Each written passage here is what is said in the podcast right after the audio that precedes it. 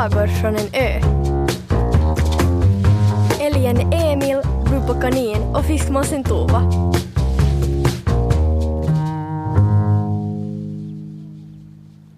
Högst uppe på den lilla ön stod en mast, hög och rak som en flaggstång.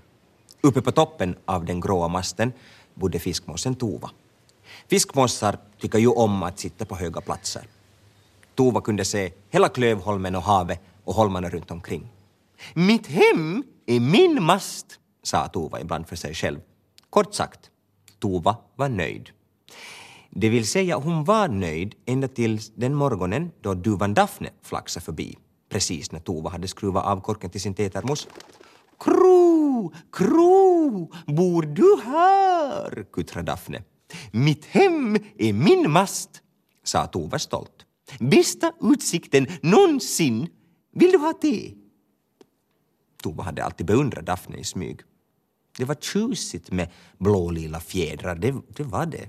Och Daphnes kuttrande röst lät på något sätt fin. Nu flög Daphne två varv runt masten, sen landade hon på marken. Hon burrade upp sina lila fjädrar. Tova önskade att hon också hade haft lila fjädrar. Oh, rrr, stackars du, sa Daphne. Alla kan väl inte ha råd med ett riktigt bo? Va? skrek Tova. Riktigt bo? Jag bor ju jättefint. Bästa utsikten någonsin. Ett riktigt mysigt bo, avbröt Daphne. Mm, det är nog det finaste en fågel kan önska sig.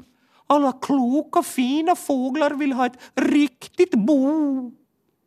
Fiskmåsen Tova kände sig med ens som en dum och ful fågel. Hon stack tetermosen under vingen och hoppade ner från masten.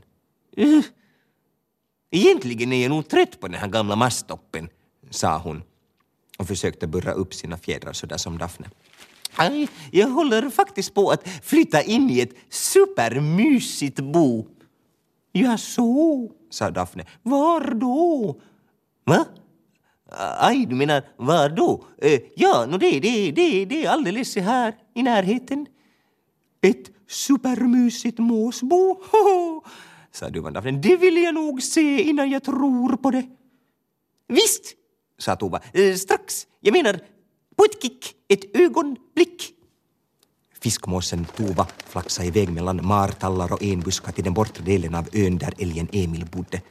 Emil, du måste hjälpa mig, skrek hon. Elin Emil stod på strandklippan med en konstig hatt på huvudet och speglade sig i regnvattnet vid en klippskräva.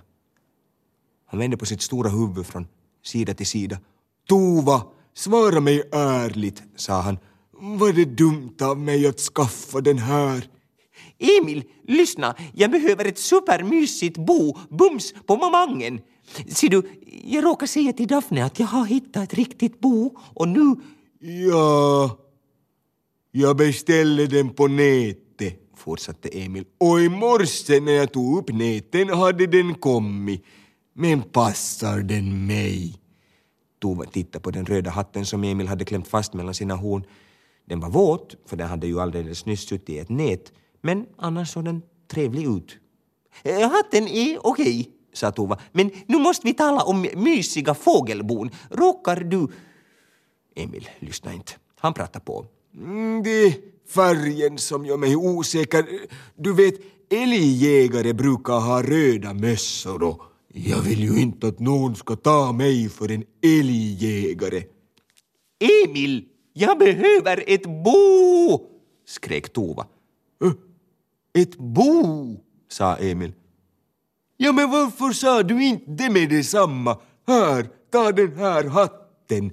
Den blir nog ett bra bo. Tova tog hatten och flög tillbaka. Hon var så ivrig att hon försökte ropa Daphne, titta på mitt bo! Medan hon flög fast med hatten i näbben lät det ju nog mer som bo! Men ingen duva Daphne satt på marken bredvid masten. Tove såg sig besviket omkring.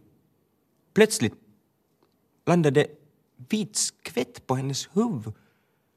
Duvkacka! Helt klart! Tove tittade uppåt. Där, Uppe på toppen av masten satt Daphne och såg sig omkring. Daphne! Eh, ropade hon. Titta på mitt mysiga bo! Men Daphne struntade i Tova och hatten. Hon bara kuttrade belåtet. Kru kro, jag bor högst av alla. Tova kunde inte tro sina ögon. Daphne hade flyttat in i hennes masttopp. Och plötsligt kände Tova att hon ville bo kvar i sin mast. Kommer du ner snart, Daphne? ropade hon. Jag vill fortsätta med mitt morgonte. Du flyttar bort. Nu bor jag här, svarade Daphne och släppte en ny skvätt duvkacka som landade på det röda hattbrettet.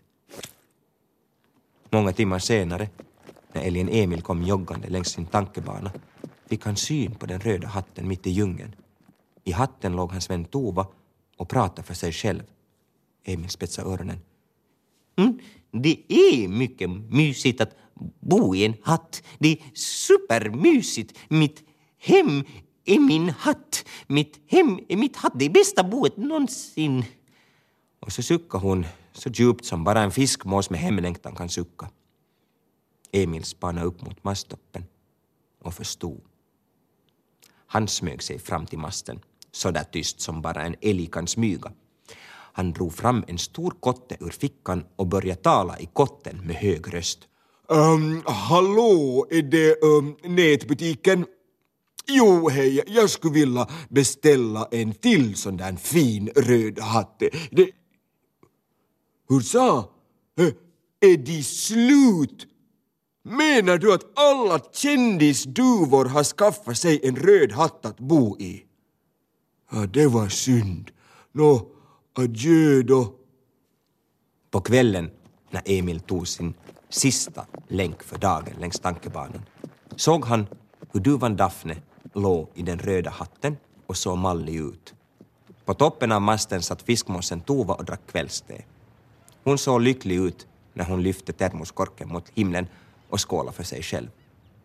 Mitt hem är min mast. Mitt hem är min mast.